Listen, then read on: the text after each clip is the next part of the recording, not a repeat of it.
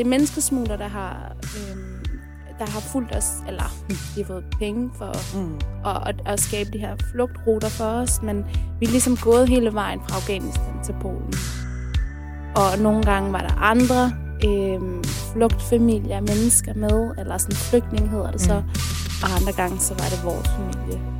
Og så har der bare rendt en rundt, en til en, samme alder som mig selv, og gået sikkert samtidig med, at jeg er gået hen til Zoologisk Have fra Valby station, som jeg synes, der var rigtig langt ja. med folkeskolen. så har du gået fra Afghanistan til Polen, måske i samme sekund, ikke? Altså, Og det er, jo, altså, det er jo vildt, ikke? Fordi når jeg tænker på det, så tænker jeg, ej, hvor var vi heldige, fordi der var ikke nogen, der druknede.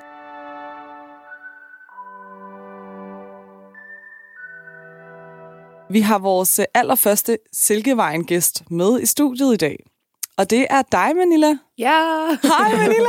Halløj! Velkommen til Silkevej.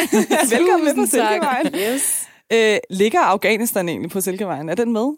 Den er, den er sikkert med. Den er ja. sikkert med, ja. Det tror jeg faktisk. Det tror jeg også. Nej, der er den med. At ja. den er med, ja. Mm. Øhm, og du er jo med os i dag, og det er, vi er rigtig glade for, at du vil, altså du sagde ja til at komme med, og at vi kunne sådan åbne hele den her, det her nye univers med dig. Åbne ballet. Du åbner, Uha. du er faktisk åbningsballet. Hvis det Ja. her var X-Factor, så var du de første, der gik på scenen. Ja. Jeg ved ikke, om det er et godt tegn, men tak. Men sætter i hvert fald en eller anden standard for, hvordan resten af programmet kommer til at være. man, ja. Så no pressure, men altså... Du kan jo tage det som et kompliment, at vi så gerne Yes, har vil have det er dig en med. kæmpe, kæmpe ære. Tusind tak. Du har afghanske rødder. Er du egentlig født i Danmark? Jeg er født i den nordlige del af Afghanistan. I den nordlige del af Afghanistan. Okay. En af de største byer, der hedder Mazar Sharif, som man kan lidt øhm, sammenligne med, med en by som Aarhus her i Danmark. Mm. Okay. øh, hvor vi meget, meget sådan, eller var i hvert fald kulturelt meget sådan rige og bevidste, og Mm. et, øh, en by, hvor alle sådan tog derhen, når det var nytår, så fejrede man øh, nytår der sammen. Okay. så det var okay. kendt for det, og vi er også kendt for den blå moské. Mm. Mm. Der er der, øh, jeg boede fem minutter derfra hos min, eller sammen med min farmor og resten af, af familien. Ej, hvor hyggeligt. Øh, så det er rigtig, rigtig gode øh, barndomsminder, jeg har fra Afghanistan og fra Mazar Sharif. Så du kan huske, at du har boet der? Jeg kan huske hvert øjeblik. Jeg kan huske Wow. hver eneste sådan, øh, det minder, jeg har i min krop meget, meget tydeligt. Mm. Heldigvis. Wow, Ej, hvor hvor er det vildt. vildt. Og hvor gammel var du, da du kom til Danmark? Jeg har været omkring 7-8 år, Okay. Okay. Ja. og jeg er 30 år i dag, så ja. Welcome to the club. Thank you. og det havde du, du jo overhovedet ikke svært ved, kan jeg forstå på det hele. nej, jeg, øh, nej jeg, jeg har det godt lige nu. Øh, så må du spørge mig om to år. så ved jeg ikke, hvordan det er der. Men, øh, Og jamen, det var fordi, jeg havde, jeg havde en mindre krise, men du var bare sådan, ja, så blev jeg 30 øh, i forrige uge, og sådan, det virkede du bare sådan helt. Mm, Jeg tror også, det er, som du siger, altså forår, og der er ved at ske nogle ting, men har også taget nogle fravalg i ens liv, i det mm. sådan personlige liv, ja. Hvor at nu, nu står jeg også lidt på mine egne ben, og der er ikke en eller anden irriterende type, der prikker til en, eller altså sådan, og der er ikke et eller andet uddannelse, der prikker til en, og mm. de der ting, som hedder, du skal, du burde, Ja, ja. de er en lille smule væk, Ja. føler jeg. Men det er sjovt, jeg snakker, jeg ved gå tur med min veninde her i søndags, øh, og så, ja, vi gik en tur rundt om søerne, og så siger hun, øh, hun er 26, og jeg er så 30, og du, vi snakker bare om livet og om alt muligt. Og så kommer vi til at tale om det her med at leve og være ung, og komme til at gøre ting, man nogle gange fortryder, og sådan... Og så var jeg sådan, nå jo, men nogle gange så handler det også bare om, at man er ung, og man skal gøre ting, man kommer til at fortryde en gang imellem. Ja. Og så nævnte jeg bare sådan, og det gik op for mig, mens jeg sad og snakkede med hende, fordi hun var sådan, ja, men nu er du jo så også 30, så altså, jeg kan jo stadig tillade mig lidt at gøre ting. Sådan, så var jeg sådan, men hvorfor er det egentlig, at vi har sådan en idé om, at vi skal nå alting, mm. indtil vi bliver 30? Altså, du skal nå at have dig en uddannelse, du skal nå at finde dig en kæreste, du skal nå at få dig nogle børn, du skal nå at være gift, du skal nå at købe dig en lejlighed. Ja. Altså, du skal nå det hele, inden du bliver 30, og det er lidt som om, når du så tager ind i dit 30. år, så skal du være voksen. Ja. Men den ligning, den passer jo ikke. Jeg føler mm. stadig, at jeg er ung. Jeg føler sådan, måske, når jeg er 5-36, så er jeg måske rigtig voksen i gåseøjne, ikke? Øh, men den der sådan, samfundsting, det er som om sådan, løbet er kørt, når du er 30, og det ikke er sket. Men det synes jeg bare er sådan, jeg ved ikke, det var sådan, det er forkert i, min, i mit hoved Ja. egentlig. Mm. Giver det mening? Jeg tror sådan 30'erne er der, hvor du ikke fordi du skal have mand og børn og sådan noget, men sådan i forhold til, at du har gået i skole, siden du har været 5-6 år, øh, indtil du blev de der 27-28, og så får du dig et fast arbejde med noget økonomisk frihed. Jeg tænker egentlig, det er der, du begynder sådan ægte at leve. Ja, præcis. Fordi du kan gøre, hvad du har lyst til. Ja. Øh, og du har ikke sådan en eksamen, der bare øh, tigger om hjørnet, eller øh, alt muligt drama. Fordi jeg tror også, man, altså sådan, man, man er settled på en anden måde. Som du siger, man tager nogle tilvalg og nogle fravalg, mm. og ens sådan, fundament og kerne danner sig ligesom. Så det, jeg tænker mere, det er sådan, det er der, du lever. Ja. Men altså, jeg er jo beviset på det uønskede 30-årige kvinde, hvis det er, fordi jeg er netop ikke færdig med min uddannelse. Okay. Jeg er netop ikke færdig med øh, eller at finde kærligheden, for eksempel. Altså, alle de der titler er faktisk ikke tjekket af overhovedet.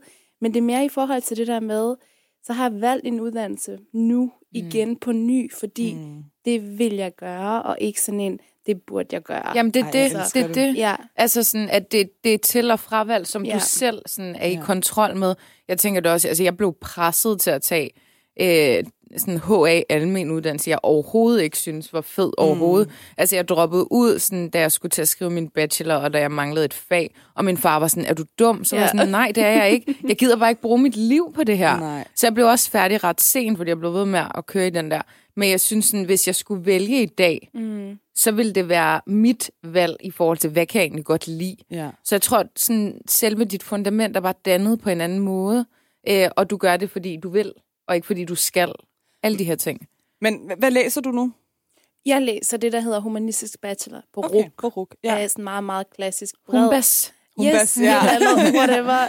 øhm, Og det gør jeg for, jeg har læst dansk før, og der droppede jeg netop ud, efter jeg havde af- afleveret min bacheloropgave, manglede lige et par fag, Mm. men jeg kunne simpelthen ikke, jeg kunne, kunne ikke ikke, være i det længere Nej. på, ude på kur.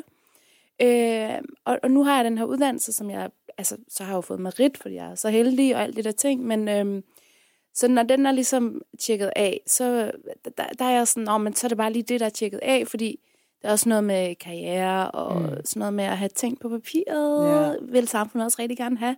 Klar. Så der er også en del af det. Men altså, jeg, man kan sige sådan, ja, jeg havde jo tjekket de boks af, øh, færdiguddannet, og Ja. altså sådan, har købt mig en lejlighed, og sådan helt de der klassisk lidt kedelige ting, som man skal, inden man bliver 30, føler jeg.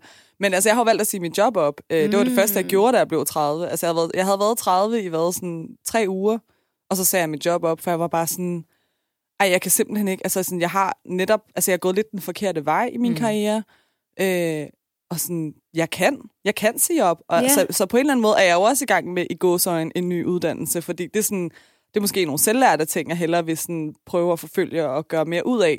Ja. Så sådan den der idé med at smide noget i skraldespanden, men jeg tror altid, man har, man har jo nogle, nogle kvalifikationer af en uddannelse, og sådan helt det der generalistlag, som man ligesom Mhm. mm. får af at gå på en uddannelsesinstitution og sådan noget. Så det kan jeg jo aldrig tage fra det. Mm. Men det har også været lidt sådan en, sådan, okay, nu er jeg 30, men, men jeg siger alligevel op, og sådan, nu skal jeg lidt tilbage til at være lidt fattig, og sådan, den økonomiske frihed, som du taler om, Tuba, den, den sådan, har jeg sat lidt på standby lige nu, ikke? Men det er jo dit valg. Altså sådan, hvis det havde været, fordi du skulle, og det var sådan bare en struggle, så havde du været noget andet. Men det er jo dit valg, så du er Ja. jo ligesom også i send med det. ja. Øhm, klart. så jeg tror sådan, det er den del måske. Altså med andre ord, så er du selv i kontrol, Mm. og du er bevidst omkring, sådan, hvad du gør, hvad du ikke gør. Du er ikke tvunget til bare at tage et eller andet valg, fordi du skal. Men Nilla, vi vil jo rigtig gerne lære dig lidt bedre at kende. Ja. Øh, og vi tænkte, det kunne være lidt sjovt at høre sådan en, hvad undrer du dig over sådan en live? Og det kan være alt muligt. Og det- Vi tænkte bare, det kunne være en sjov måde sådan lige at finde ud af, hvordan din hjerne egentlig fungerer. Hvor krøllet Okay. er din hjerne? Min hjerne, ja, den er meget, meget øh, dejligt krøllet. øh, ja, altså det, der poppede op, da du, da du nævnte det, det var... Og jeg kan ikke lade være med sådan... Ja, ja. Jeg og meget siger det bare. kommer. Men altså, det er... Hvorfor er det egentlig, øh, at når jeg siger, at jeg er fra Afghanistan, at, at man ikke kan lade være med... Altså mænd, når de spørger mig, hvor jeg kommer fra, jeg siger Afghanistan. Hvorfor er det egentlig, det bliver sådan, altså helt seriøst, de får sådan et udtryk, eller sådan, det viser sådan meget sådan, øh, hvad hedder det, mimisk, eller sådan mimik ved, at de er skuffet. Skuffet lige fra? Ja. Okay. Så jeg undrer Mm. mig bare over, hvorfor mænd bliver skuffet over, når jeg siger, at jeg er fra Afghanistan. Ej, altså sådan, i det ligger der nogle ting, det ved jeg godt. Men det sker altså bare i samtlige sådan, samtaler. Er det etnisk danske Ja, det var mænd, mit- eller Det er er- det alle mænd? Alle Nå, mænd. okay. Fordi jeg tænker, hvis det havde været etnisk dansk, havde det været sådan, uh, Ja, uh, du har Ja, en jeg fætter, kommer, ja, sådan, jeg kommer har- ikke til at røre ved det Det der. er alle mænd, okay. og jeg bliver sådan lidt, ved du hvad, du kan bare lade være, altså lad, lad være med at bruge tid på mig, det spilder energi, fordi jeg ved godt, hvor samtalen går hen. Men det var ligesom bare lige det, jeg tænkte på, da, da du spurgte. Altså, Øhm, når jeg kigger på dig, så vil jeg... Altså, hvis ikke jeg kendte, ja, hvis ikke jeg kendte dig, så ville jeg tro, du var sydamerikaner. ja. Så det kan måske mere være sådan en overraskelsesting, sådan, what, er Ja. du fra Afghanistan?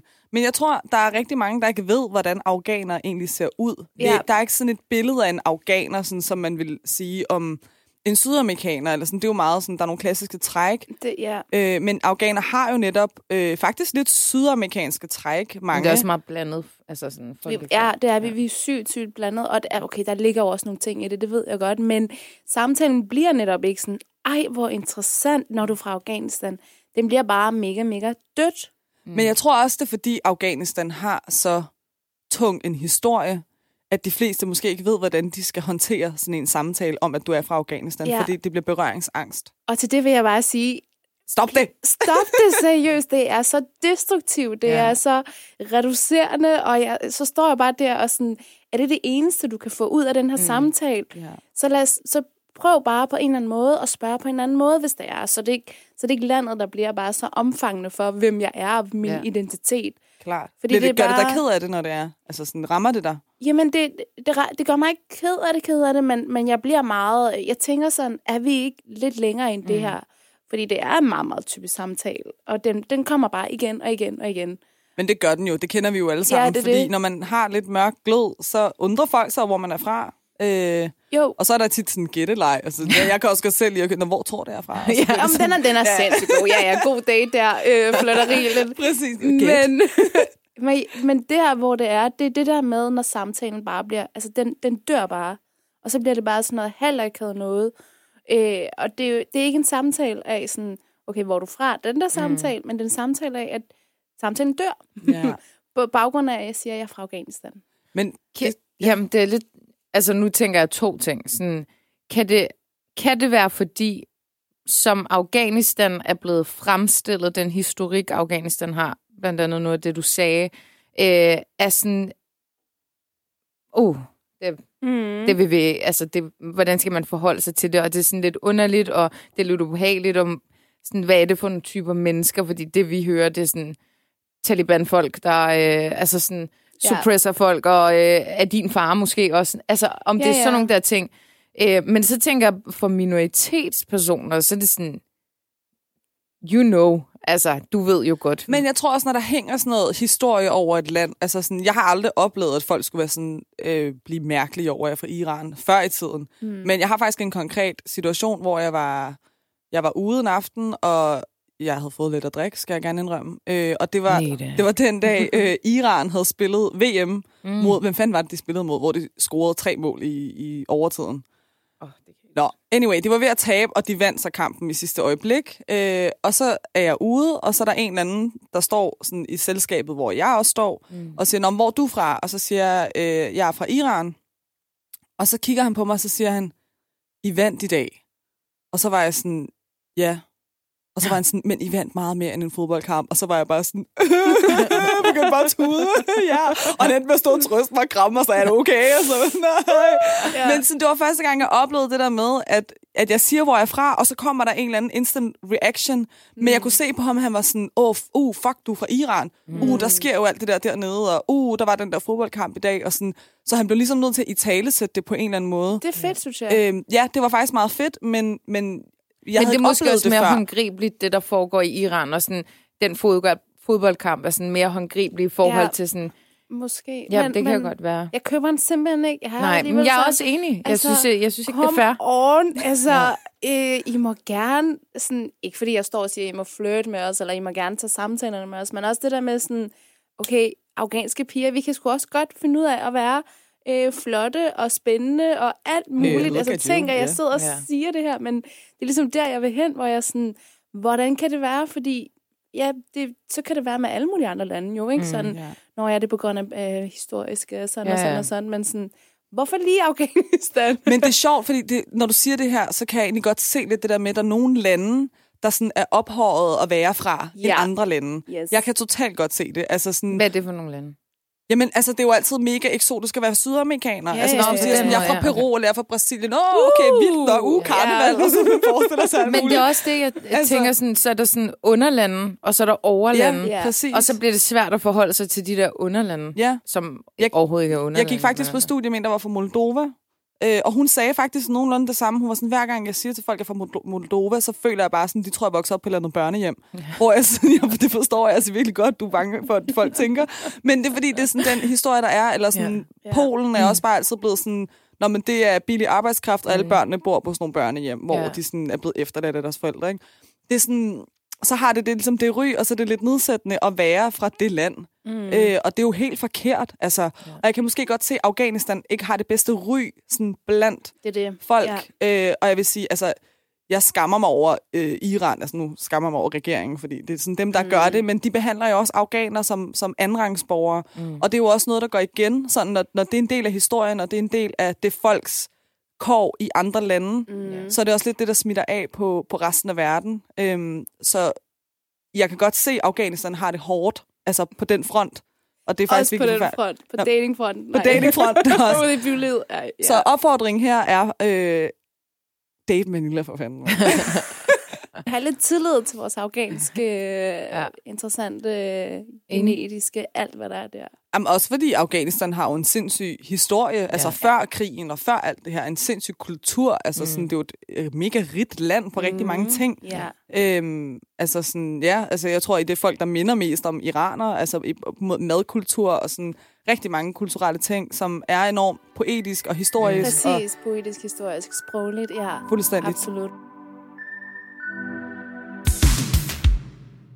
Tuba, har du nogensinde vundet en pris? Øh, jeg ved godt, hvor du prøver at lede det hen, men ikke, ikke den type pris. Øh, Nej, Silje, Hvad, har du hvad har for en type vundet? pris har du vundet? Nej, altså sådan, sådan nogle ting i forhold til min performance på arbejde eller sådan noget. Årets sælger. Øh, nej, nej. Hvad hedder det? Men, øh, men hvad hedder det? Eller sådan i henhold til fodbold, og sådan, Ja. men ikke noget sådan... Årets fighter og sådan Har du det? Ja, Wow. ja, men ikke... Øh, ikke i, i den dur, som, øh, som Manila har i hvert Prøv fald. en Hvad med dig? Har du. Nej, jeg har sgu aldrig, vundet- jeg tror aldrig, jeg har vundet en pris. har du ikke vundet sådan en stævne i karate eller sådan noget? Nej, Har du gået til karate? jeg har det sorte bælte i karate. Ej, lad være. Har du seriøst aldrig vundet? Nej. Har du sort bælte?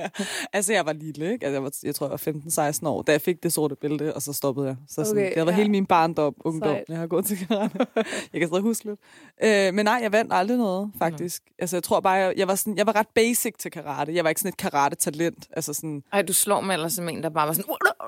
Jamen, jeg var, jeg var god nok. Altså, jeg var god, men jeg var ikke... sådan- Altså, min bror, han var hjernedød. Han sprang bælter over og alt muligt. Altså, sådan, han Vandt var, han en pris? Ja, han vandt nogle turneringer, Okay. tror jeg, og sådan noget. Men Han laver mit. ja, han var fandme god. Men øh, nej, jeg har aldrig vundet en pris. Ikke hvad jeg sådan lige kan huske i hvert Okay. fald. Måske sådan en fidusbamse eller sådan Men det findes ikke i karate. Det er jo ikke holdsport. Det er jo meget solosport, kan man sige. Det Hvem skulle, godt være, det hvem skulle give mig fidusbamsen? Hvis du havde hjulpet assisteret træneren eller et eller Nej, andet det var jeg nok lidt for ung til. Ja. Men øh, Manila, Ja. Institut for Menneskerettigheder. Har jo givet dig menneskerettighedsprisen Ja. i år. I dag, der føler jeg mig sådan rigtigt set og hørt og respekteret. For mig, der betyder den her pris 7.000 km benhård flugt. Men apropos Afghanistan, Manila, Ja. du er jo øh, mega sej. Og det er jo derfor, vi har skrevet til dig. Tak skal I have. I lige måde. tak, Manila. Øh, men du kæmper jo super meget for det afghanske frihedskampen for Afghanistan, eller sådan i bund og Ja. grund øh, belyse, hvad der foregår i Mhm. Afghanistan, andet, alt andet, end hvad man hører i medierne, som er meget Taliban og øh, Mm. den krig, der har været de sidste 20 år. Ikke? Hvad, hvorfor, hvorfor ligger det der så tæt? Altså, selvfølgelig er du afghaner, men der er også rigtig mange andre afghanere i Danmark, som måske kæmper den samme kamp som dig. Hvad er det, der gør, at du sådan, det her det er min kamp? Det er simpelthen, fordi jeg har fået en chance.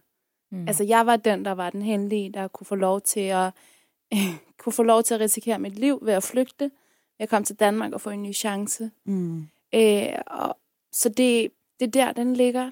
Og jeg kan huske, altså det er jo, det er jo, ja, jeg tror, det gik op for måske resten af Danmark, at jeg havde den her sag med Afghanistan, men, men jeg havde den også før, at man hørte om mm. Taliban indtog krigen i, eller overtog magten i 2021 august, øhm, fordi jeg er, er egentlig startet med det her siden 2015, og det var jo, fordi vi så flygtninge mm. øh, fra blandt andet Syrien, blandt andet Afghanistan dengang. Det var en af de to største grupper, der kom hertil. Mm.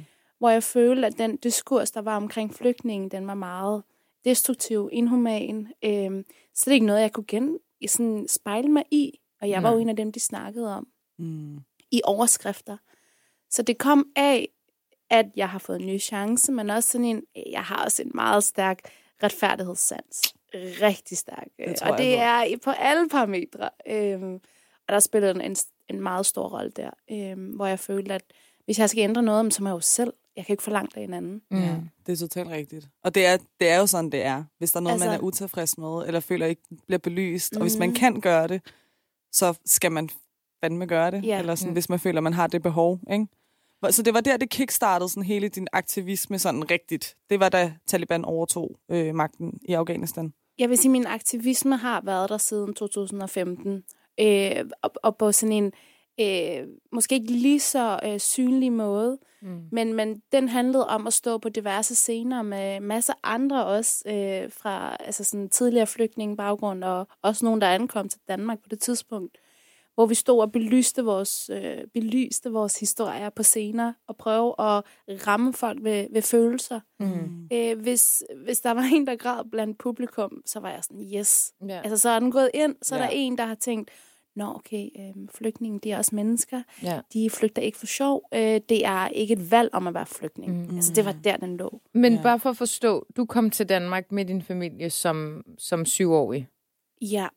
Hvad gjorde, at Altså, fordi nu har vi haft andre i studiet, og der har jo været forskellige grunde til, hvorfor man er flygtet. Altså, mm. selvfølgelig er der en hovedårsag, men sådan, der har været nogen, der har været undervisere, der er nogen, der har været politisk aktive og sådan. Hvorfor flygtede din familie? Min far var major i herren, øh, okay. og, og havde en meget tæt relation til den derværende regering, der var der, der, der tydeligvis havde en helt anden retning end øh, på det tidspunkt talibanerne, der mm. var der.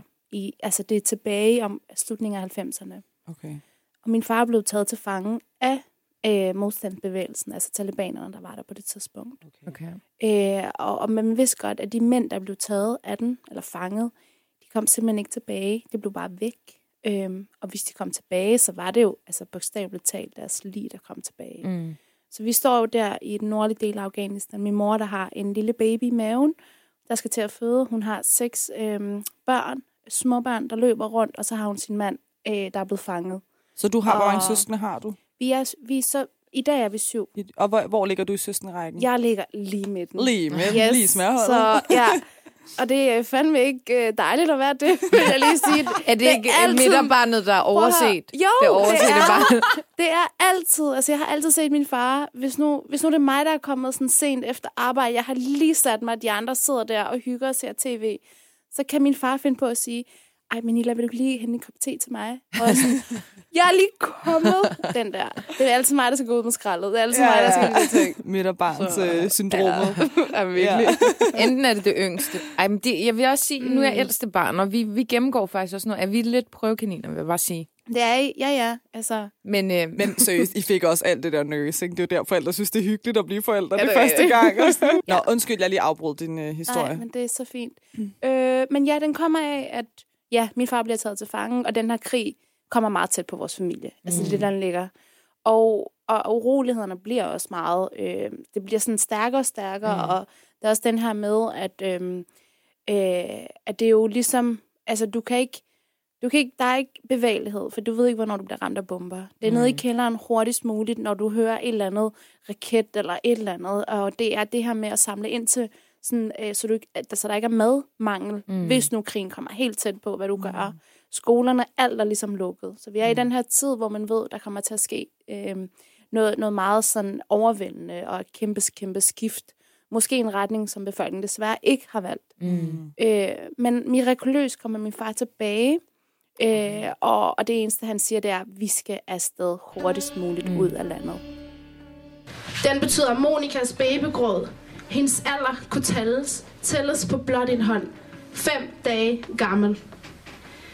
Den betyder min mors uhørte, stærke, afghanske stemme, hvor kvindekampen har overlevet i hendes krop, men aldrig rigtig har fået lov til at leve.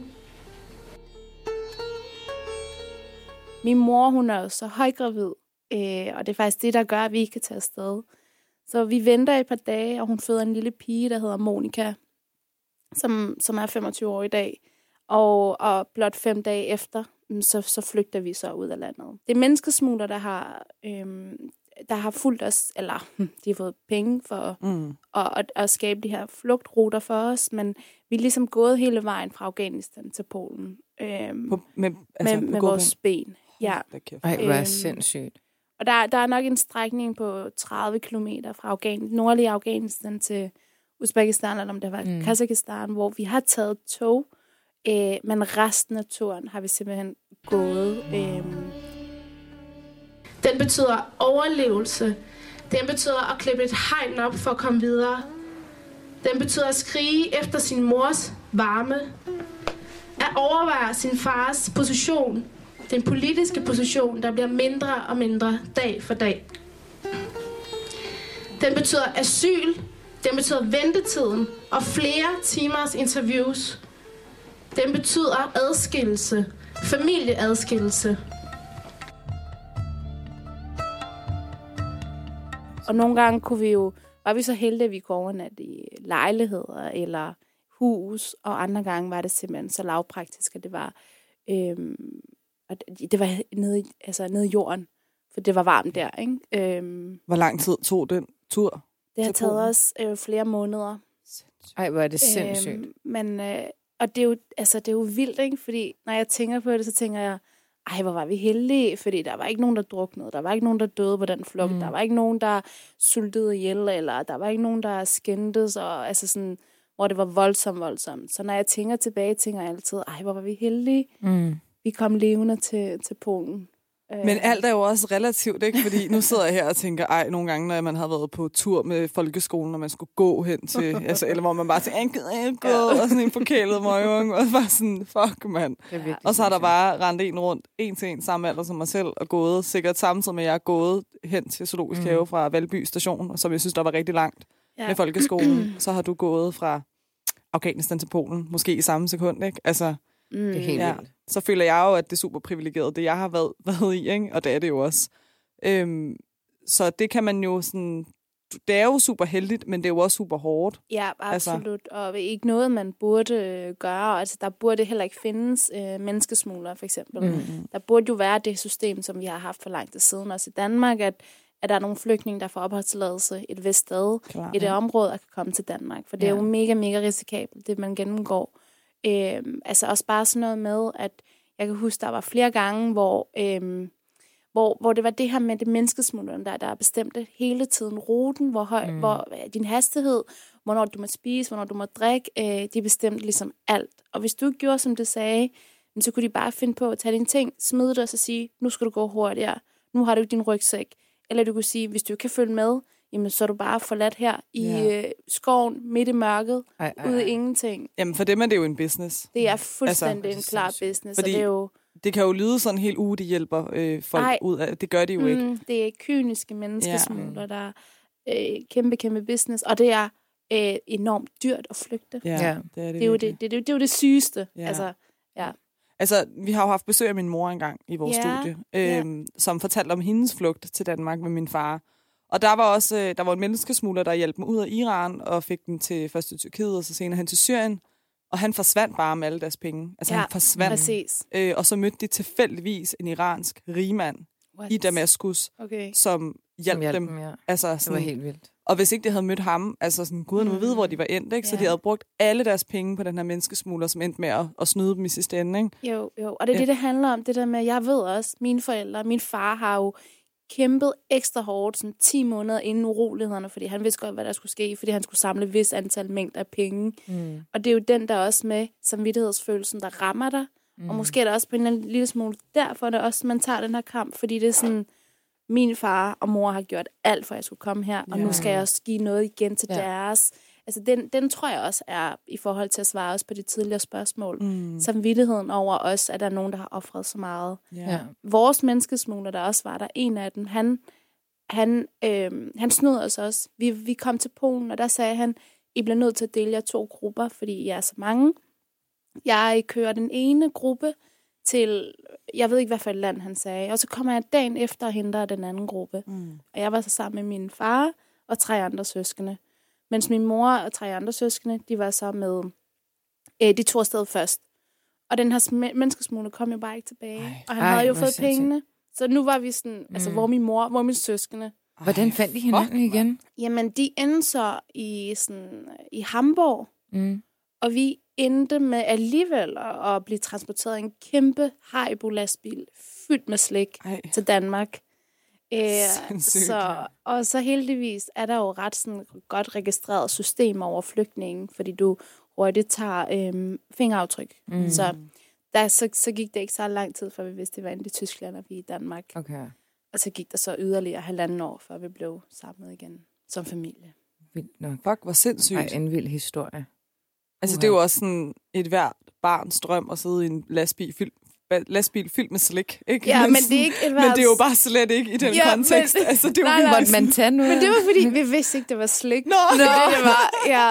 Og jeg kan huske, ham lastbilchaufføren var jo så urolig, fordi han var sådan, det er tre børn, lastbil fyldt med slik. Hvordan, Ja. altså, de kommer jo til at spise det. Ja. Vi vidste jo ikke, hvad det var, Nej. så vi rørte det jo ikke. Det, det. Ja, så... Shit, mand. Ej, det er virkelig sindssygt. Ja. Altså, men jeg synes jo, det er lidt smukt. Altså, du har jo, altså, nu er du vores første gæst i det her Silkevejen-format, og du har jo nærmest gået på Silkevejen for at komme hertil igennem Kazakhstan og Uzbekistan. Ja, altså, det er jo. Ja. wow, der var en uh, højere mening med det her, uden vi Mm. vidste. Men okay, jeg kan virkelig godt forstå, at du har den her følelse af en eller anden form for pligt, eller sådan, at du skal give noget tilbage. Mm. Men det er jo også rigtig hårdt at gå og bære på sådan en følelse af, at man har det her ansvar, fordi alle andre, eller ikke alle andre, men rigtig mange unge mennesker i Danmark, de lever jo bare deres liv som Mm. unge mennesker i Danmark, og lever under den frihed og de privilegier, vi nu har af at være her. Øh, og nu kender jeg det selv. Jeg er også okay aktivistisk omkring Iran. Øh, og den der følelse af nogle gange, at sådan, uh, I can't let them down, Mm. den fylder rigtig meget. Så der er jo også en eller anden form for sådan, man kan ikke altid bare lige slappe af i at hygge sig og være ung, og man kan tage ud, og man kan være sammen med sine venner, og alt muligt, men lige pludselig kan det jo bare ramme en. Mm. Og det er jo, det er jo sådan en helt sådan, det er et helt kapitel for sig, at man har lidt sådan et, et dobbeltliv op i sin egen hjerne, ikke?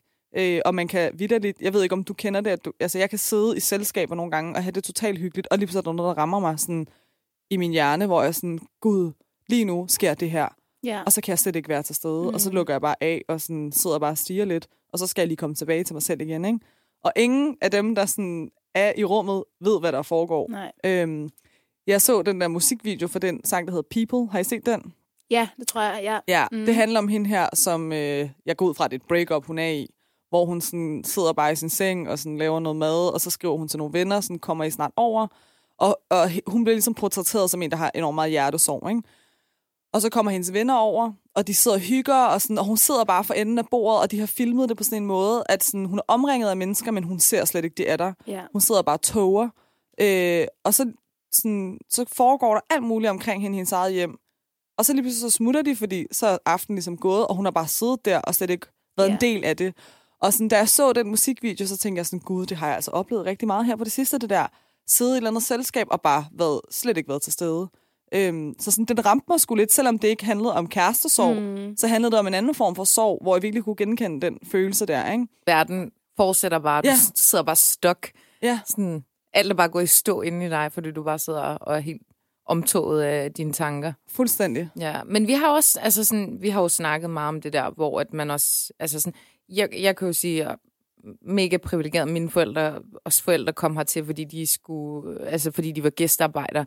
Så der er jo ikke nogen, der flygtede for noget.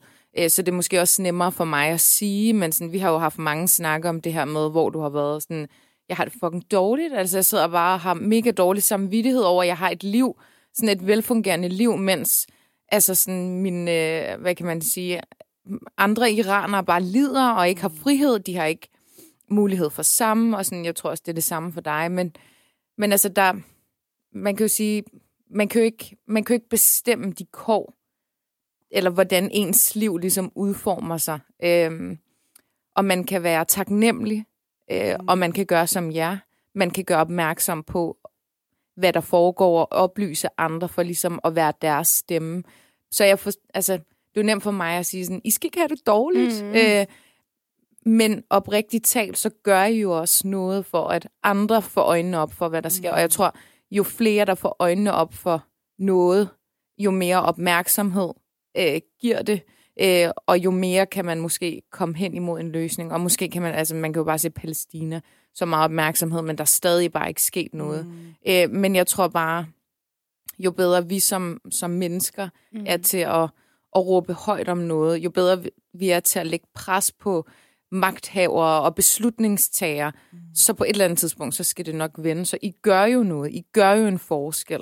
Øhm, ja, giver det og, mening? Jamen, det gør det. Og, og vi har jo snakket meget om det her med at have det dårligt over. Helt vildt. Øh, ja. Den her pris betyder, at der ikke findes et andet Taliban. At krig aldrig nogensinde kan reduceres. Den betyder, at kvinder lige nu får frataget retten til at tage en uddannelse i Afghanistan. Men øh, apropos at være, altså gøre opmærksom på, hvad der foregår. Hvad er situationen i Afghanistan lige nu til dem, der ikke ved det?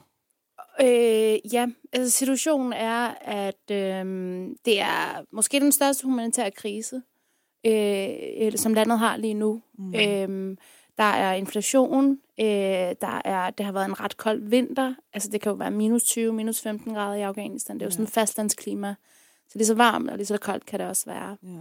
Udover det, så må kvinder ikke arbejde i, altså sådan i NGO-relaterede jobs overhovedet, så alt er ligesom, alt er fortabt der. Øh, sindssygt. Øh, tusinder af arbejdspladser, der er gået tabt der. Mm. Øhm, og lige nu, der, der er nogen, der siger, at de må, der er nogen, der siger, at de ikke må, men det er mine kilder, det er, at piger over 7. klasse må ikke komme i skole lige nu. Altså, okay. det er forbudt for piger at læse. Det er forbudt for, for alt, hvad der hedder piger og kvinder, at tage en uddannelse lige mm. nu. Øhm, øh, en kvinde må ikke ligesom færdes alene ude ved parker. De skal have en mandlig ledsager. De må ikke tage en taxa alene. De må ikke tage det fitnesscenter. Øh, de må ligesom ikke øh, have, have sit eget erhverv. Øh, der er ikke nogen kvindelige poster siddende ved regeringen overhovedet. Der er ikke noget repræsentation. Der er ikke noget... Øh, også sådan i forhold til religiøs repræsentation. Altså, du skal ligesom være øh, i går så en kun muslim. Mm. Hvis du er alt andet, så er, det, så er det også fortabt. Der er de der regler, men der er også det der det psykiske. Hvad er det, der holder os befolkningen oppe? Mm. Noget af det, vi kendetegner ved København, er også det der med sommeren, og man hygger sig, man ja. tager cyklen hjem efter bytur, whatever. Alle de der ting, der holder en oppe. Ja. Og de, altså, når det går tabt, så er det jo rigtig meget der mentalt også hos befolkningen, der går tabt. Ja, altså man kan måske sammenligne det overhovedet ikke, men en lille smule med, med coronatiden, hvor sådan København lukkede ned. Og selvom det var sommer der, sommer 2020, var det bare ikke den der buzzing feeling af sommer på samme måde. Og sådan, det gjorde rigtig meget mentalt ved, ved os mennesker, øh, da hele samfundet ligesom blev lukket ned. Og det var også på grund af en virus, men i Afghanistan er samfundet jo lukket ned, altså på en eller anden måde. Altså det samfund, som man kendte før i tiden, øh, og at gå ud på gaderne og se noget helt andet, ja. end det man er vant til.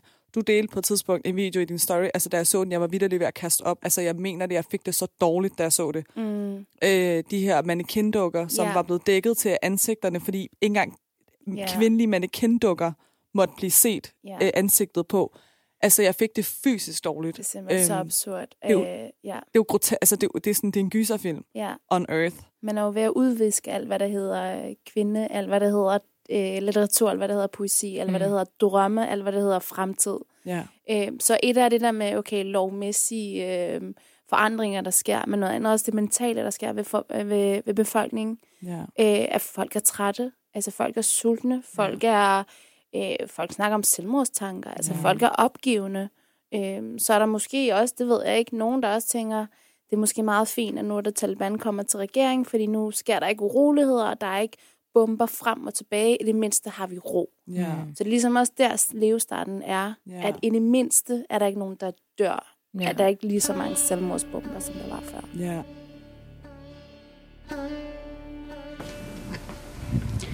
Den betyder Palæstina, den betyder Syrien, Grønland, den betyder kurder, den betyder for alle de kongoleser, som dør, for at verden kan få sin grønne omstilling.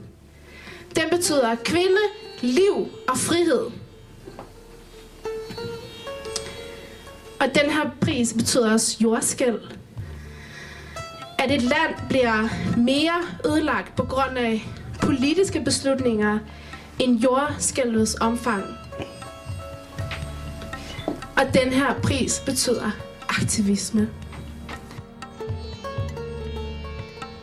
Men det må også være sådan et, et virkelig, virkelig udmattet folk. For de har Absolut. kun altså, oplevet øh, af katastrofer. Så det er også sådan med, om så er det bare som det er, så længe at der ikke øh, er alle mulige lande, der øh, er, er her for at, øh, overhovedet ikke at kæmpe vores kamp, men deres egne. Og, altså sådan, der er bare uro hele tiden, og så bare få den der Men jeg tror, det er meget klassisk efter en krig. Altså sådan noget efterkrigstid er jo bare sådan, så, så er man jo bare glad for, at der ikke er mere uro. Mm. Øh, og så de der sådan, øhm, de der sådan opblomstringer af noget sådan, øh, sådan nogle bevægelser i samfundet, som ligesom kæmper sig imod det, som så er der nu. Det kommer efterfølgende. Man ser det måske i Afghanistan om 10 år, når, når, når tingene har lagt sig lidt, og folk Ja. har fået energi. Folk er jo også udkørte af krig. Mm. Øh, hvis du ser på Iran, altså der var krig i, i starten af 80'erne, eller i 80'erne generelt, øh, og nu er, siger vi 2023, og det er nu, de her optøjer sådan for alvor øh, ligesom er, er i gang, ikke? Øh, så det tog dem rigtig mange år, også bare lige at komme sig over, der har været krig, og, og lande i hele det her nye regime, og folk har været udkørt, ikke? Og jeg ved godt, at øh, Afghanistan er sat virkelig lang tid tilbage, rent mentalt og også rent sådan politisk set, mm. øh, i forhold til Iran. Og jeg tror også, at Irans øh, befolkning øh, nåede aldrig at blive sådan mentalt slået så meget tilbage i deres tankegang, som der måske er sket i Afghanistan. Så det har også været nemmere for iranerne at holde fast i det, de havde før det regime, der er her nu. Øh, men, men på et eller andet tidspunkt vil det måske spire, men lige nu tror jeg også, det er sådan, de skal lige hele alt deres sorg fra en, fra en virkelig lang krig. Men- Hold kæft, den ja, lang Men der er også en, en forskel i sådan, altså jeg tror størstedelen af iranere i Iran nærmest, de har adgang til et, øh, altså til et, øh, et skolesystem eller uddannelsessystem. Sådan, øh, de, de kan oplyses, og de, de får lov til at, sådan, at, at udvikle sig. Øh, og jeg tror, i forhold til Afghanistan, at du der, jeg kan godt mærke, at der er noget i min sådan, indre feminist, der bliver trigget her. Okay, I frygter kvinder så meget, mm. at I ligesom lukker ned. For det er en side af det, men en anden er også, når du, når du lukker ned for menneskers muligheder på den måde, øh, så gør du i det her tilfælde, manden skal jo være en forsørger. Så han kan ikke bruge fire år, eller fem år, eller tre år på en universitetsuddannelse. Han tvinges jo til at gå ud og tage det første job, han kan finde. Så man holder jo også sin befolkning uoplyst. Sådan. Så, og det bliver bare svært at gøre oprør, når du ikke har adgang til oplysning generelt. Mm. Øh, Mm, ja, men, men øh, jo, absolut. Men altså, det er jo også sådan, Afghanistan har heller aldrig fået lov til at hele overhovedet. Altså, det er det der med, at der har været krig på krig på krig på krig. ja. Øh, min mors tid var der krig, i min tid er der krig, Ja. ja. og nu i den, øh, den nye generation er der krig. Men Manila, du står jo også virkelig meget alene omkring den her kamp i Danmark. Øhm, for jeg vil sige, nogle gange, når dagene bliver hårde for mig, så mm-hmm. har jeg et kæmpe iransk netværk og sådan læne mig op af og skrive til og være sammen med og græde ud med og fortalt om alle de her ting. Øh, du kører lidt den her øh, afghanske aktivistiske kamp meget solo. Ikke af lyst, tror jeg, men egentlig bare sådan, fordi det er sådan, det nu er engang øh, for dig. Er det ikke nogle dage virkelig hårdt at stå der og være, at være fanebærer for sådan en aktivistisk kamp for at oplyse om Afghanistan? Den betyder frivillighed, fri vilje til at handle med knap så få eller fri midler. Skriv til Sander, hey, har I lokale til os hver eneste gang? Sorry, Sander. Den betyder alle de timer, der er lagt for at organisere, bære tunge ting, rekonstruere, rydde op, planlægge, omlægge, projektlede, programlægge, Skriv til iSkit, uden at få svar. Skriv til lydmanden live, om han nu kommer til demonstrationen. Og spørg andre gode mennesker om en kæmpe tjeneste, uden at du kan betale dem for noget. Så den betyder også god påmod. Og hvis jeg skal være helt, helt sådan Manila ærlig, så betyder den her pris at græde sig selv i søvne nogle gange. Det er en ensom følelse, du får, efter du lige har arrangeret et velgørenhedsevent. Det er jo så absurd. Så meningsløst. Så hvorfor får jeg den her følelse?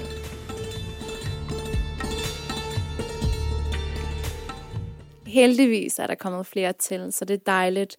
Men det, jeg er heller ikke der, hvor jeg kan række ud til mit aktivistiske afghanske netværk og sige, hey, er der lige en, der vil tage den her samtale med den her journalist, fordi jeg ikke overgår det. Mm. Der er vi ikke nået til endnu. Mm. Så det håber jeg, at vi gør på et tidspunkt. Men så har jeg jo den her forening, der hedder ANAR, mm. Uh, Afghan Network and Resources, hvor vi er et netværk af frivillige kræfter, som, som faktisk bærer mig mm. øh, på mine hårde dage, og det er dem, der er sådan, der er flere og flere, der tiltræder, og det er enormt dejligt, at vi kan være flere om den øh, fælles dagsorden og fælles mål. Øhm, og, og udover det, jeg tror også, i forhold til det, vi har været igennem med min familie, er enormt, enormt tætte på mine søstre, mm. på mine søskende, øh, og dem snakker med alt, altså mm. alt bliver ja. taget op der. Så uden dem vil jeg helt sikkert slet ikke klare det overhovedet, fordi der er nogle dage, hvor selvfølgelig man, man sådan græder sig selv i søvne, fordi det er det, der skal til. Mm. Der er også nogle dage, hvor jeg har enorm, enorm stærk følelse af ensomhed, mm. lige efter vi har holdt et kæmpe velgørenhedsarrangement, mm. hvor man er blandt rigtig mange mennesker, yeah. og så går man hjem, og så er det bare tomt. Yeah. Altså også fordi den der forskel, den, den, er, den er ikke til at se, mm. fordi det er så meget, selvfølgelig er det det, du samler ind med penge, velgørenhedsevent, men du giver også informationer ud. Ja. Og det er ikke så synligt jo. Nej. Så du kan ikke se den der forandring. Så det gør, at du føler dig enormt ensomt. Ja. Og sådan, nå, okay, hvad så med mig og de her følelser, jeg har i min krop? Du ja. ved, den, Men ja. jeg kan virkelig genkende det der. Ja. Og jeg tror også nogle gange, så det er sådan en, øhm, så har man ligesom brugt tid og kræfter på at arrangere det, og tale med forskellige mennesker omkring at få ting til at lykkes, og hvem gør dit, og hvem gør dat, og vi løfter det her, man har noget adrenalin mm. over, at man skal øh, lave noget og få noget energi ud omkring alt det her. Og det er også at, at, at prøve at håndtere sine følelser jo på en eller anden måde ved at lave de her arrangementer mm. og velgørenhedsting, ikke? Og så er man på dagen, og man afvikler det, og der er sindssygt meget energi i det, og man sådan er altså, omringet af en masse mennesker i det her øje med, og i det her formål. Mm. Og så bagefter kan man, det er lidt ligesom at være på en, en virkelig dejlig ferie og komme hjem og mærke den der sådan, når nu er det slut. Ja. Øh, og det er lidt den samme følelse, hvor man er sådan, wow, vi havde så vildt et sammenhold, og vi havde så vildt en samhørighed, som jeg bare havde brug for at feede på, fordi ja. det er det, jeg har brug for lige nu. Ja. Men når klokken bliver 22.30, så tager jeg hjem, og så er det sådan, nå, hvad nu? Altså sådan, og hele op, altså arbejdet op til det her velgørenhedsarrangement giver jo også noget energi, og det giver jo også Absolut. en hel masse. Ikke? Jo, jo. Øhm, og så er det sådan, Nå, hvornår kan vi finde på noget igen? Eller hvornår kan vi gøre noget næste gang? Øh, og lige pludselig have været i så, altså gå fra at være i sådan en kæmpe gruppe af mennesker, der støtter det, som du føler, til at sidde helt alene hjemme på en sofa. Ikke? Det er virkelig en kontrastfyldt øh, ja, følelse at være i. Så jeg kan genkende den 100%. Jeg får helt ondt i mm. maven, når du siger det, for jeg er sådan ja. helt åh, oh, det er bare ubehageligt. Altså. Ja, men det er, ligesom, det er ligesom en af præmisserne for at gøre det. Ikke? Og det er jo heller ikke fordi, altså, det er heller ikke, jo, det, det er fucking hårdt. Jeg kan, altså nogle gange, jeg, det, det er fucking hårdt. Mm. Det er det. Men det giver også bare så meget andet godt. Mm. Må man bande her? Ja, det må man rigtig gerne. ja. øh, så jeg kan, ikke, jeg kan ikke rigtig beskrive det, hvor, hvordan det er nogle gange. Men det, jeg begyndt at gøre, er, at jeg faktisk begyndt at optage mig selv, når jeg græder. Er det rigtigt? Ja. What? Hvorfor? ja, fordi jeg var sådan, det skal, jeg, jeg skal, altså sådan på en eller anden måde, så er det lidt som om, det, det foregår inde i mit hoved. Så når jeg, når jeg har den der fornemmelse eller følelse, hvor jeg ved, at nu bliver jeg totalt ked af det, så filmer jeg mig selv, øh, og så ser jeg det bagefter. Jeg ved ikke, hvorfor. Er det ikke lidt grænseoverskridende? Nej, det tænker jeg ikke, men det er sådan lidt sådan bearbejdelse af, hvad jeg lige har gennemgået på en eller anden måde. Og så ser jeg det, og så er sådan, okay, nå, men du var ked af det, du fik det ud på en eller anden måde, og så så sletter jeg videoen igen. Altså, det er så absurd, men det gør jeg. Nej, det giver faktisk god mening. gør det. Ja, det gør det, at man sådan bagefter um, kigger på det og sådan anerkender sin egen Ja, sådan tilstand og følelser og, og sådan nogle ting. Når man måske er mere sådan robust i sig selv, at man kan kigge tilbage og sige sin, jeg forstår det godt, Melilla. ja. Det var fucking lort. jeg elsker altså. dig. Du ser også godt ud. men Altså. Altså, Tuba har kun optaget sig selv synge på sin telefon og slet ikke. nice. Standard. Kan I ikke huske, uh, dengang man havde Nokia-telefoner? Jo, jo. Der er også hele tiden den der TikTok. I didn't mean it when I said.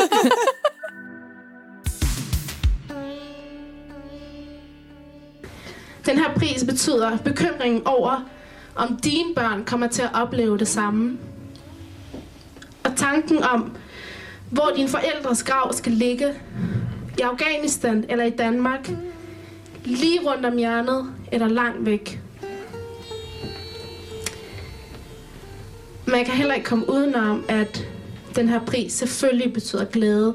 Selvfølgelig betyder fællesskab, forbedring og forandring repræsentation og anerkendelse. Og kærlighed. Jeg er kommet meget tættere på, hvem jeg er. Så apropos opmærksomhed, så betyder den her pris også Manila Gafuri. Den,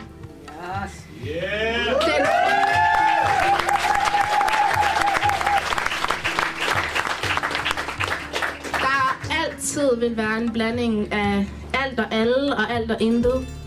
Hverken det ene eller det andet. Manila, der netop føler sig ensom, selvom hun, hun er blandt mange mennesker. Manila, der føler sig svigtet, selvom hun er omgivet af kærlighed. Og Manila, der aldrig vil føle sig hjemme, selvom hun måske er hjemme. Så det er præmissen for at være Manila, det er præmissen for at være en tidligere flygtning, det er præmissen for at være minoriseret.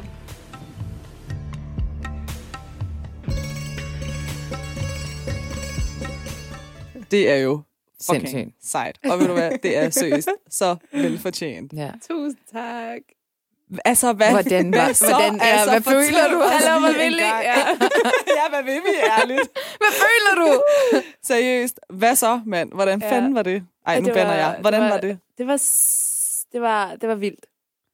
Men, men, men, men. Altså, det var sådan en, yes, altså aktivisme kan fandme noget. Mm. Det der med at stå på demonstrationer, øh, holde demonstrationer, øh, stå ved sådan nogle små scener, hvor der er fem mennesker, og hvor det er mega, mega koldt om vinteren, og vi står og snakker det samme sag, det kommer ikke ud over det sfære, ikke? Ja. Øhm, det der med at tage de der snakke i det nære og fjerne, og alle de der ting, det gav lige pludselig mening, hvor jeg var sådan, ej, okay, altså den sådan betydning af aktivisme, Ja. øhm, Ja. det, det, det er alt afgørende for mig, og øh, kæmpe skulderklar for mig, og altså, det var også fandme dejligt at stå der og, um, og se sin mor være så stolt, og altså sådan, jeg Ja. kunne nærmest ikke få ordene ud, da jeg stod der, og og min mor der siger, du, du skal ikke græde, bare, bare, bare kør på. Og jeg var sådan, okay mor. Og jeg står der alligevel og græder. Og, Selvfølgelig, det kan jeg da godt Det er forstå. jo kæmpe stort. Men jeg kan huske, øh, lige dagen inden jeg fik det at vide, øh, hvor lederen for Institut for Menneskerettighed ringede til mig, hvor hun sagde, Nå, men det er dig, der har vundet den her pris. Øh, altså bogstaveligt talt, jeg tror, det var sådan to-tre dage inden, der sad jeg og havde en, en dyb samtale med min, med min, øh, med min søster Monika, hvor jeg sagde, øh, jeg tror, jeg er start, altså sådan, jeg ved ikke, hvad jeg skal, fordi jeg følte bare, at jeg gik i ring og ring og ring, og det var Mm. det samme. Det føler man nogle gange, at det bare er det samme igen og igen, og jeg var sådan, altså hvis der ikke sker noget, så sker der ikke noget. Øhm, jeg følte mig meget, meget, meget håbløs, fortabt, og ja, og troede ikke længere på mig selv på en eller anden måde. Og det er jo ikke, fordi det er en pris, der skal, der skal gøre, at du tror på dig selv, men det kom lige sådan en, okay, det gør noget, så bliv Mm. ved. Øhm, og det, det, gælder, det, det kom med sådan en højere enhed, at der er nogen, der faktisk ser den kamp, du Ja. gør. Ja. Så Helt det, det har været meget overvældende, og um, ja. Men jeg tænker også de dage der, man så kan føle sig sådan helt ensom og tom indeni, og sådan, åh, hvorfor gør jeg det her? Eller sådan, det hjælper jo ikke noget. Eller stå til et arrangement og komme hjem med den der lidt tomme følelse bagefter. Ja, Det må give noget benzin på bålet for at blive ved. ja Altså, altså, altså jeg fordi skal... det er fandme vigtigt. Altså, det er jo Ja. så vigtigt, det du gør. Øh, og jeg ved godt, du øh, måske er begyndt at få et netværk omkring andre organer, men udefra set, så er du virkelig øh, fanebærer for hele den her kamp, og det skal du virkelig også. Men det er du. altså, altså, jeg kan love dig for, i vores iranske community, der taler vi om dig som sådan, men lille hun er afghanernes stemme. stop. Nå, men det gør vi. Altså, det gør Ej, vi. men, så det er jo øh, så velfortjent. Og jeg, jeg, jeg, jeg synes virkelig, det, Tusind tak. det er meget imponerende, at, at du holder gejsten oppe selv. Ja. Med det lille community, du så har omkring det, men vi er sådan 50 mennesker, der sådan gejler hinanden op, og kom, lad os gøre det her, og lad os Det er fedt. arrangere det her. Det er så vigtigt. Men at du kan stå og tage den sådan meget på din egen skulder, det er sindssygt vigtigt. Mm. Øh, og, og du må aldrig... Altså, der var en, der sagde til mig for ikke så længe siden, øh, fordi jeg talte lidt om sådan, åh, nogle gange kan man også godt blive sådan lidt drænet af at tale om Iran hele tiden, og prøve hele tiden mm. at, at få budskaber ud, fordi hvad virker det? Øh, og det var en etnisk dansk ældre mand faktisk. Han mm-hmm. var sådan, prøv at høre, det er så vigtigt, du gør det, fordi jeg ved det ikke. Altså, Ja. jeg ved ikke de der ting. Ja. Øh, men du tror, at alle ved det, fordi du er så meget inde i det, og mm. dit iranske community er du en del af, og I ved det alle sammen, men der er altså rigtig mange af os, der ikke ved det. Så hvis Ja. I ikke gør det, så ved Hvem vi andre det ikke. Ja, Ja. Fuldstændig. Så det, det, det, det er så vigtigt et arbejde, du laver, og den pris er sådan mega velfortjent. Altså sådan, det er virkelig, virkelig sejt. Ja. Kæmpe, kæmpe tak. Så vi har noget at leve op til, Tuba, her. jeg kan Ja. give dig en fidusbamse i næste afsnit. det kan være, at vi skal sådan hinanden hver afsnit. I det her afsnit, der synes jeg virkelig, Der synes jeg, du skal have fidusbamsen. ja. du har spillet en rigtig god kamp. Nej, det gjorde noget, man fik den der bamse. ja, ja, det var det vildeste. Ja. Ja. Jeg kan huske, at vi havde sådan en øh, bamse i folkeskolen i første klasse. Sådan Jamen, så skulle du hjem have den med i weekend, Ja, på så skulle weekend. man skrive, hvad man har lavet med Ja. ja. den. Så, men jeg kan bare huske, at man var udvalgt i den uge, så var det jo sådan, oh my god, jeg skal have Phoebe med Ja. ja. hjem i den her uge. Ja. Mine forældre, de orkede det ikke rigtigt. De synes, det var så dumt. Selvfølgelig. Ja. Men det er jo også sådan lidt lol at få sådan en Jamen, bamse. er det. Ej, det, jeg synes, det er så sødt. Jeg har selv været skolelærer, så jeg har selv givet den der opgave til mine elever, så det må I ikke lige... Øh, ja. Faktisk nysgerrig på, om de stadig praktiserer sådan noget. Altså, Fordi- jeg gjorde, men jeg ved ikke, om man stadig gør nu. Jeg vil gerne indfri det, jeg manglede. Det engagement, jeg manglede for mine forældre med min egen datter. Ja, så når lige vil komme hjem med en eller anden klassebamse. Nu skal vi på sommerhustur med klassebamsen. Bare lave de La vildeste Latte. ting. Vi har uh, bungee-jumpet. Vi har sprunget ud af en helikopter med Kæmpe overskudsforældre derovre. bare tage billeder af den der bamse, der var ikke en faldskærm. Åh, oh, for helvede. Men Lilla, du skal have tusind tak. Tusind tak, fordi du ville være med. Fordi du gad at gå med, med os ned af Silkevejen. Det var så lidt. En mental Silkevej. Yes. Har det været okay? Det har været så fint. Har det været okay for jer? Ja, det har Ja. været skønt. Altså, Virkelig. og tak fordi du gad at åbne ballet. Jeg synes virkelig, jeg synes, at hvis du var den første øh, X-Factor-deltager på scenen, Ja, så ja. satte du barn rigtig højt. Det gad jeg fandme godt. På sådan en x scene og skulle synge eller rap, faktisk. Kan du synge? Nej, det kan jeg ikke. Okay. Det kan jeg jo. Øh, det kan Ej, jeg det ikke. kan du selv. ikke, Tuba. Hold op. og så, Ej, prøv at se. Altså sådan, Ja, jeg tror ja, måske, ja, vi skal arbejde fyre på, hende. at Østen og Østen skal mødes først. Faktisk, det er det, det handler om. Østen og Østen skal mødes. ja, det skal faktisk også Ja, ja. handle om. det skal det faktisk. Ja. Ja. Men det er jo meget smukt. Altså, Østen sidder faktisk her lige nu og mødes, ikke? En iraner, en afghaner og en tyrker. Uh. Ja. Ikke? Ja, ja. Men man skal jo også sådan... Ja, nu jeg med at ødelægge den gode stemning, Tuba. Ja, men jeg siger ikke mere. Nå, men øh, tak for i dag. tak for i dag. Svaret er jo, at jeg aldrig nogensinde ville kunne stå her, hvis det ikke var for jer. Og det mener jeg fra bunden af mit hjerte. Jeg deler den med alle de unge mennesker derude, der kæmper hver eneste dag for at blive fucking repræsenteret. Den er for alle dem, der går forrest til en demonstration. Og alle dem, der gør modstand i stillhed. Den er for alle os, der på hver vores måder kæmper for et bedre og måske et mere solidarisk Danmark, end det vi kender i dag. Så jeg er afsindigt glad og stolt. Og skål for aktivisme i dag, i morgen og for altid. Woohoo!